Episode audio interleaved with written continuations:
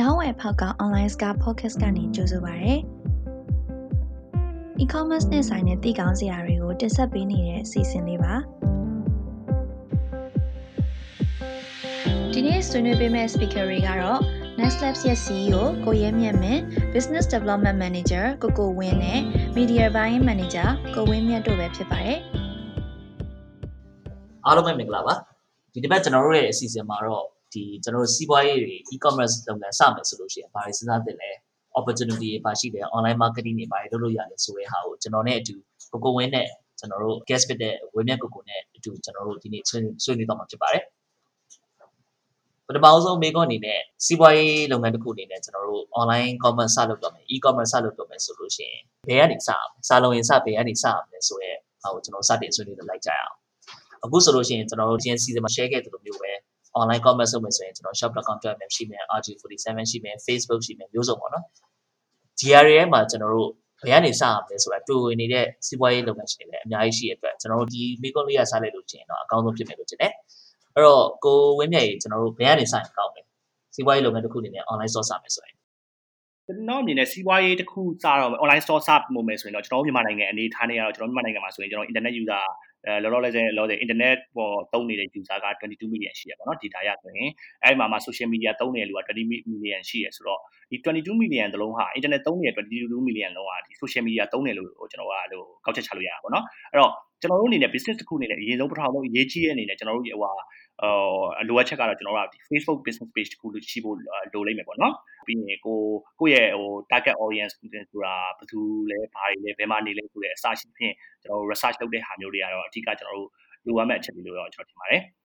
ဒီအခုလည်းကျွန်တော်တို့ဒီ online store တခုလုပ်မယ်ပေါ့နော်ကိုဝင်းမြတ်ပြောခဲ့တဲ့ Facebook ကနေ online store လုပ်မယ်ဆိုလို့ရှိရင် Facebook ကိုယ်တိုင်ကလည်းဒီလွန်ခဲ့တဲ့နှစ်ပတ်အတွင်းမှာကျွန်တော် Facebook shop ဆိုပြီးတော့ ကြီးညာသွားတာကိုကျွန်တော်တွေ့ရတယ်။အဲ့လိုဟာမျိုးတွေကတော့ကျွန်တော်တို့ဒီအသေးစားလုပ်ငန်းတွေအတွက် online store တခုစတင်နေဆိုလို့ရှိရင်အလွယ်ဆုံးပေါ့။အဲ့မှာတစ်ဆင့်ကျွန်တော်ထပ်ပြီးတော့မြင့်တင်ခြင်းဆိုရင်ကျွန်တော် chatbot တွေလည်းရှိမယ်။အဲအဲ့မှာတစ်ဆင့်ကျွန်တော်ထပ်ပြီးတော့ expand ထပ်လုပ်ခြင်းနဲ့ဆိုလို့ရှိရင်ကျွန်တော် website တွေလည်းဆောက်လို့ရတယ်။အမှန်တကယ်တော့ဒီပညာနဲ့ပတ်သက်ပြီးတော့ဒီ online store စမယ်ဆိုလို့ရှိရင် option တွေကတော့အများကြီးပါ။ဘယ်ကနေစစကျွန်တော် website ကနေပဲစစအ လွယ်တကူစလို့ရတဲ့ဟာတွေကတော့ကျွန်တော်တို့အများကြီးရှိပါတယ်။နောက်ကောင်းတာတစ်ခုကဒီကောင်တွေကလည်းဒီ technology ကလည်းအရင်လိုဈေးကြီးဈေးအများကြီးပေးရတာမဟုတ်ဘဲနဲ့နားစင်ကြီးလေးပေးုံနဲ့ကိုယ့်အကူအစားဆုံးလုပ်လို့ရမယ်ဟို solution တွေပေါ့နော်ဥပမာ Shopify တို့ ManyChat တို့မျိုးစုံပေါ့ကျွန်တော်တို့အများကြီးတော့ကျွန်တော်ရှိနေတဲ့အတွက်ဒါ online source စတဲ့လူတွေအတွက်တော့ဟိုသတင်းကောင်းတစ်ခုပဲလို့ကျွန်တော်မြင်တယ်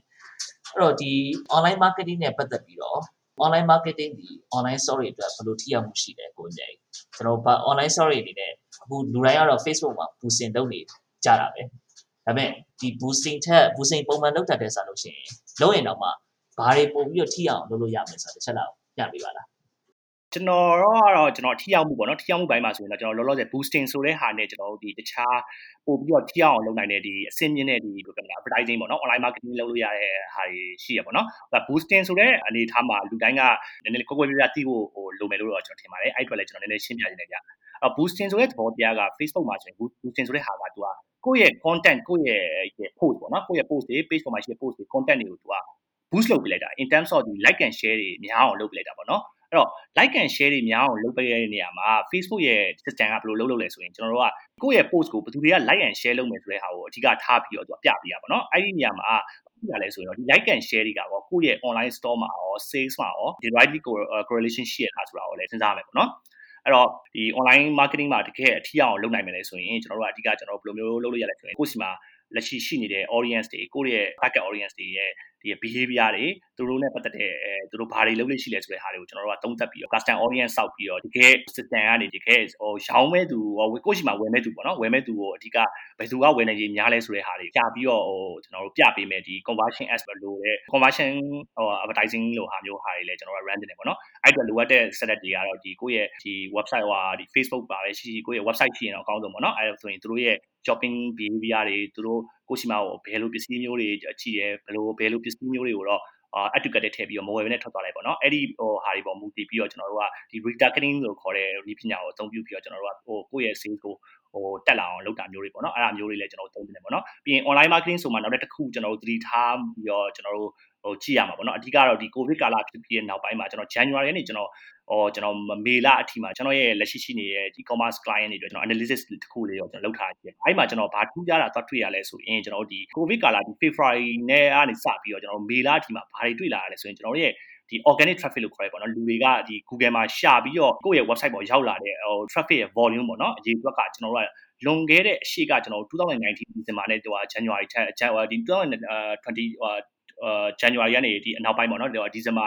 December 2019 December အဲ့ဒီကာလတွေထက်စာရင်ဒီ organic traffic volume ကပို့ပြီးတော့တက်လာတာတွေ့ရပါတော့နှစ်ဆသုံးဆလောက်ပို့ပြီးတွက်လာတာတွေ့ရတယ် direct traffic တွေဆိုခေါ်တဲ့ဒီကိုယ့်ရဲ့ website ကိုနာမည်ကိုအတိအကျရိုက်ပြီးဝင်လာတဲ့ traffic တွေ volume ကလည်းထူးထူးခြားခြားဟိုတက်လာတာကိုတွေ့ရတယ်ပေါ့နော်ဒါကိုကြည့်ချင်းအပြင်လူတွေကစပြီးတော့ဒီ Facebook မှာတွေမဟုတ်ဘဲနဲ့ Google ကိုရဲ့ search တွေ Google ကိုအသုံးပြုပြီးတော့ကျွန်တော်တို့ဝင်လာတဲ့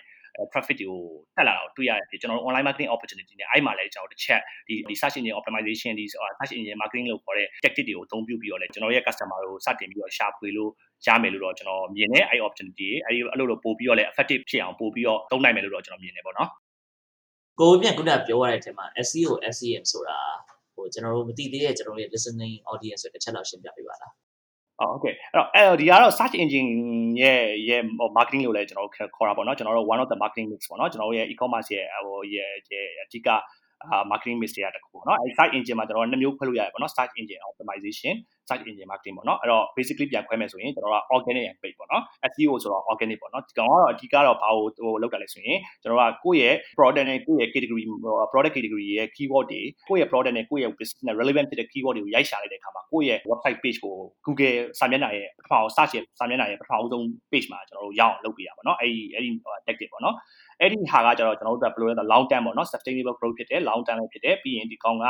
ဟိုအရန်သူ့ရဲ့ဒီ resource တွေရန်လိုရပေါ့နော်ဒီ content ကို deployment လုပ်တဲ့လူတွေဒီ intent for technology ဘိုင်းမှာလည်း website ကိုဒီဒီ search engine ကြီးကသိအောင်လုပ်ရတယ်ဆိုတော့အဲ့လိုဟိုဟာနီးပြနီးလန်းနေပေါ့နော်အဲ့ဒီဟာတွေကိုကြည့်ရဲ့ဒီ resource နဲ့ဟာတွေလည်းလုပ်ရပေါ့နော် အဲ့အဲ့ဒါတွေကတော့အဓိကရမိုးရေးလုပ်နိုင်တယ်ဆိုရင်ကျွန်တော်ရဲ့နောက်ပိုင်းမှာကျွန်တော်တို့ပတ်စံပေးကြမလို့ပဲねကျွန်တော်တို့ရဲ့ website ကိုလူတွေက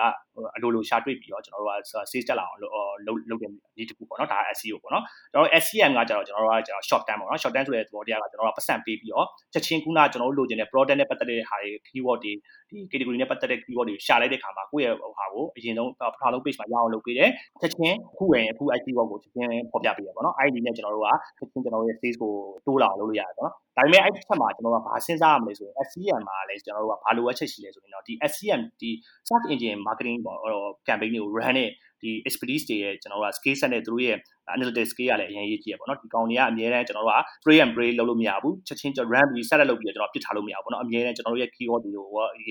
ဒီကို optimize လုပ်တာမျိုးဥပမာဆိုရင်ဖြစ်ကျွန်တော်တို့ကထားပါတော့ကျွန်တော်တို့ဝယ်ထားတဲ့ keyword အပြင်တခြားကျွန်တော်တို့နဲ့မဆိုင်တဲ့ keyword တွေဝင်လာတာပေါ့နော်အဲ့ဒီမဆိုင်တဲ့ keyword တွေကကျွန်တော်တို့ရဲ့ အတွက်ဘာမှတန်ဖိုးမရှိရပြင်ကျွန်တော်တို့ရဲ့ marketing budget တွေဆုံးရှုံးစေရဖြစ်တဲ့အတွက်ကျွန်တော်တို့ကအဲ့လိုမျိုး negative keyword တွေရှိရခါမှာလည်းကျွန်တော်တို့က real time အချိန်နဲ့တပြေးညီသူတို့ကိုကျွန်တော်တို့ကထုတ်ပြတာမျိုးပြီးရင်ပို့ပို့ပြီးတော့ opportunity ရှိတဲ့ကျွန်တော် keyword တွေရှိလာရဲဆိုရင်အဲ့ပုံမှာပတ်သက်ပို့သုံးတာမျိုးပေါ့နော်အဲ့လိုအစားရှိပြင်ဟိုအနီးကပ် data စောင့်ကြည့်ပြီးတော့ data optimize လုပ်ပေးမယ်ဟို performance မှာမျိုးမျိုးတွေရှိရဆိုရင်တော့ဒါကတော့ပို့ပြီးတော့ကောင်းတာပေါ့နော်အဲ့တော့အဲ့အတွက်ကျွန်တော်တို့က SCM နဲ့ SEO ကတော့အဓိကတော့အဲ့လိုမျိုးကျွန်တော်꿰လို့ကျွန်တော်ပြောချင်ပါတယ်ဟုတ်ပြီဗျ အဲကိုကိုရင်ကျွန်တော်တို့ဒီကျွန်တော်တို့ customer တွေနဲ့ကျွန်တော်ရဲ့ကိုယ်ပိုင် customer တွေနဲ့ဖြစ်ဖြစ်ဒီ market တွေကကျွန်တော်တို့ business ပိုင်းတွေဖြစ်ဖြစ်အမြဲဒီ e-commerce အောင်ပြောဖြစ်လို့ရှိရင်မေးလေမေးခါရှိတာငါတို့ chatbot လုပ်ရင်ကောင်းမလား website လုပ်ရင်ကောင်းမလား mobile app လုပ်ရင်ကောင်းမလားပေါ့နော်တော်တော်များများတော့ mobile app ဆိုရင်ပိုကောင်းမယ်ပေါ့အဲဒီကိစ္စပေါ်မူတည်ပြီးတော့ Google ဝင်းအနေနဲ့ရောဘလို့အကြံပြုချင်တယ်ဒီ chatbot website mobile app ဒါမှမဟုတ် Facebook မှာပဲဟိုဒီဓာတ်ပုံတွေတင်ပြီးကြောင်းမလားဘလို့မြင်လဲ ပြောရမယ်ဆိုရင်တော့ဒီအာ chatbot website mobile app ဆိုပြီးပြောတဲ့အာဒီဒီ spectrum မှာဆိုလို့ရှိရင်ကျွန်တော်တို့ဒီ chatbot ဆိုတဲ့ဥစ္စာကတော့တခြားနှစ်ခုနဲ့ရှင်ပေါ့နော်အလွယ်ဆုံးတစ်ခုအနေနဲ့တော့ကျွန်တော်တို့ပြပြကြည့်လို့ရတယ် chatbot ဆိုတဲ့ဥစ္စာကတော့ question ပြန်ပြီးတော့ဖြေတဲ့ဥစ္စာအမေးဖြေလုပ်တဲ့ဥစ္စာတစ်ခုလည်းမဟုတ်ဘူးကျွန်တော်တို့ဒီဘက်ဒီ social selling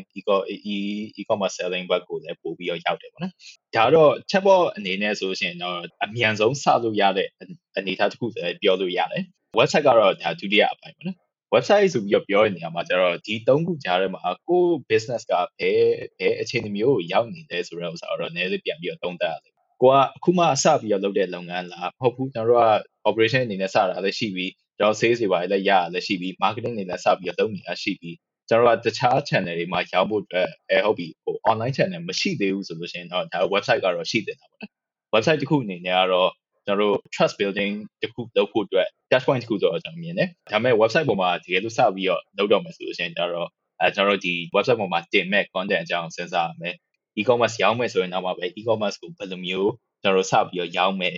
ဓာတ်ပုံတွေကျွန်တော်စပြီးတော့စဉ်းစားရတော့မယ်ပြီးရင်ဒီပေါ်မှာတက်လာတဲ့ inquiry တက်လာတဲ့ question တက်လာတဲ့ order တွေကိုဘယ်လိုမျိုးလက်ခံရတော့မလဲဆိုတာစပြီးတော့စဉ်းစားရမယ်ဒါတော့ website ပေါ့နော်နောက်ဆုံးကျတော့ mobile app mobile app ဆိုပြီးတော့ပြောတဲ့အချိန်မှာကျွန်တော်တို့လက်ရှိ client တော်တော်များများနဲ့စကားပြောတဲ့အချိန်မှာဆိုရှင်သူတို့ mobile app ကိုအရန်ကြိုက်ကြတယ်။ဘာဖြစ်လို့ကြိုက်ကြလဲဆိုတော့တုံးရတာနံပါတ်1လွယ်လွယ်တဲ့အနေအထားတစ်ခုရှိလို့ပေါ့နော်။ဒါပေမဲ့အဲ့ဒီ mobile app တစ်ခုဖြစ်လာဖို့အတွက် planning လုပ်ရတဲ့အပိုင်းတွေအနောက်ပိုင်းမှာဒီ process တွေဘယ်လိုမျိုးသွားရမလဲဆိုပြီးတော့တဲ့စဉ်းစားတဲ့အပိုင်းတွေအဲနောက်တစ်ခုကျတော့ mobile app ကြီးစထားပါတော့ဗောနော်ဒီ technical ဘိုင်းတွေကျွန်တော်သိပြီးအများကြီးမပြောတော့ဘူးဒါပေမဲ့တကယ်လို့ mobile app ကြီးစပြီးတော့ဖြစ်လာတယ်ဆိုရင်တော့မှပဲတကယ်ဒီ mobile app ကိုသုံးဖို့အတွက် adoption adoption plus traffic ပေါ့နော်လူတွေအနေနဲ့ဒီဒီ mobile app ကိုနံပါတ်1ဘယ်လိုရှာမလဲဒါကိုဝင်းမြတ်စောစောကပြောခဲ့တဲ့ကိုယ့်ရဲ့ audience တိဆောက်တာပဲဖြစ်ဖြစ်မဟုတ်လို့ရှိရင် Facebook ပေါ်မှာကြော်ညာပဲဖြစ်ဖြစ် Google ပေါ်မှာကျွန်တော်တို့ search engine optimize လုပ်တာပဲဖြစ်ပေါ့နော်ဒီအပိုင်းတွေ plus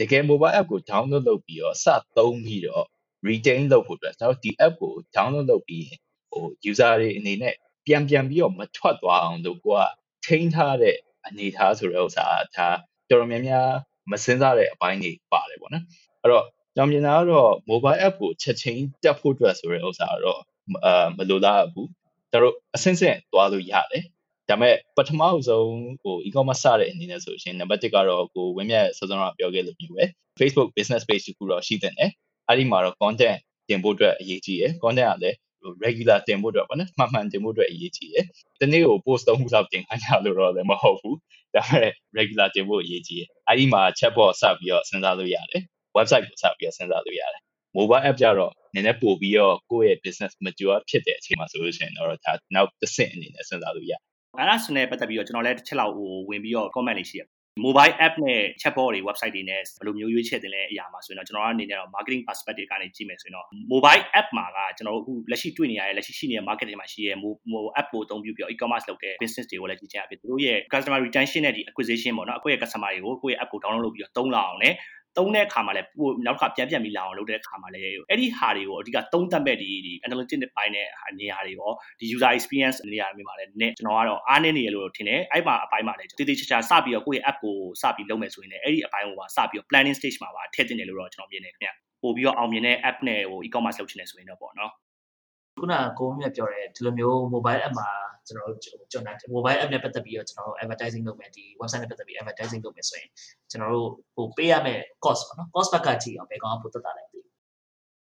cost back ကနေကြည့်မယ်ဆိုရင်ဘယ်ကောင်ကပို့ပြီးတက်တာလဲဆိုတော့အဲဒီ website တွေ chatbot တွေကကျွန်တော်ချက်ချင်း drive ချက်ချင်း drive ထွက်ပြီးတော့ချက်ချင်း retarget လုပ်လို့ရတယ်ပေါ့ဒါကလည်းကျွန်တော်တို့ A ဟို app marketing မှာမလုပ်လို့မရဘူးဆိုတာတော့မဟုတ်ဘူးလုပ်လို့ရတယ်ဒါပေမဲ့ in terms of ကျွန်တော်တို့ကဒီဟာဒီ acquisition မှာဆိုရင်ကျွန်တော်တို့က app marketing မှာဆိုရင် acquisition ကနှစ်မျိုးရှိလိမ့်မယ် stage ကပေါ့နော်ကျွန်တော်တို့ကဒီ user acquisition stage ကိုကျွန်တော်နှစ်မျိုးခွဲကြည့်လို့ရတယ် app marketing မှာဆိုရင်ကျွန်တော်ပထမဆုံးကျွန်တော်တို့က ဒီ app ကြီးရှိပါတယ်ဆိုတဲ့ဟာကိုကျွန်တော် awareness လုပ်ရတယ် right awareness လုပ်ပြီးဆိုရင်ဒီ app ကြီးကိုကျွန်တော်တို့က download လုပ်အောင်ကျွန်တော်တို့ကတစ်ခါလုပ်ရတယ်နော်အဲ့အဲ့မှာကျွန်တော်တို့ acquisition cost တစ်ခုရှိလိမ့်မယ်နော်အဲ့ cost per app install လို့ခေါ်တာပေါ့နော်အဲ့ဒါပြီးအချိန်မှာကျွန်တော်တို့ကဒီ acquire လုပ်တဲ့လူကိုလုပ်ပြီးသွားပြီဆိုဒီလူကြီးကိုကျွန်တော်တို့ကတကယ် sign up လုပ်ပြီးတော့ကျွန်တော်ရဲ့ website ကိုဝယ်အောင်လို့ကျွန်တော် customer ကိုဝယ်အောင်လုပ်လို့ဆိုရဲကျွန်တော်တို့ activation stage ကိုနောက်ထပ်ရောက်သွားတဲ့အခါမှာကျွန်တော်က cost per ဒီ user registration ပေါ့နော်အဲ့တော့တကယ်ကျွန်တော်ရဲ့ဝင်ဝယ် app download လုပ်တဲ့လူကလည်းတကယ်စသုံးနေအောင် လုပ်တဲ့အခြေအနေထိရောက်ဖို့အတွက်ကျွန်တော်တို့ကအဆင့်နှစ်ဆင့်ကိုကျွန်တော်ကဖျက်ရတဲ့အတွက်ကျွန်တော်ကအဲ့ဒီမှာကျွန်တော် web ထက်ဆိုင်သူက acquisition stage မှာဟိုကျွန်တော်ကပို့ပြီးတော့ပတ်စံနည်းနည်းလေးပတ်စံပို့သုံးရမယ်လို့တော့ကျွန်တော်ထင်တယ် marketing မှာဆိုရင် Okay ဒီနေ့အတွက်ကတော့ဒီနေ့အစီအစဉ်မှာကျွန်တော်အချိန်လေးနည်းနည်း run out ဖြစ်နေပြီဖြစ်တဲ့အတွက်အဲကိုဝင်းမြတ်နဲ့ကိုကိုဝင်းကျေးဇူးပါအဲ့တော့နောက်အစီအစဉ်ကျွန်တော်နောက် episode မှာတော့ဒီကိုဝင်းမြတ်ခုနပြောခဲ့တဲ့ funnel ဆောက်တာပေါ့နော်ဒီဒီခုန fund ဟို acquisition မှာဖြစ်ဖြစ် awareness မှာဖြစ်ဘလို့မဆို funnel ဘလို့စောက်တယ်လဲပေါ့ကျွန်တော်ဒီ e-commerce ဟိုမှာအတွက်ကျွန်တော်တို့ marketing လုပ်မယ်ဆိုရင်တော့ best channel တွေသုံးသင့်တယ်ဘယ် channel တွေကတော့ cost effective ဖြစ်မလဲဘယ် channel တွေရောက်ကိုဒီမြန်မာနိုင်ငံအတွက်အကိုက်ဆုံးဖြစ်ပြီး scalable ဖြစ်မလဲဆိုတာကိုနောက် season မှာကျွန်တော်ဆက်ပြီးတော့ဆွေးနွေးသွားလိုက်ကြရအောင်အားလုံးကိုကျေးဇူးတင်ပါတယ်နောက်ထောင်ပေးတဲ့အတွက်ကျေးဇူးတင်ပါတယ်နောက် episode တွေမှာဘလို့စိတ်ဝင်စားစရာအကြောင်းအရာတွေကိုဘသူတွေကဆွေးနွေးပြမယ်ဆိုတာစောင့်မျှော်နားဆင်ပေးကြပါအောင်နော်။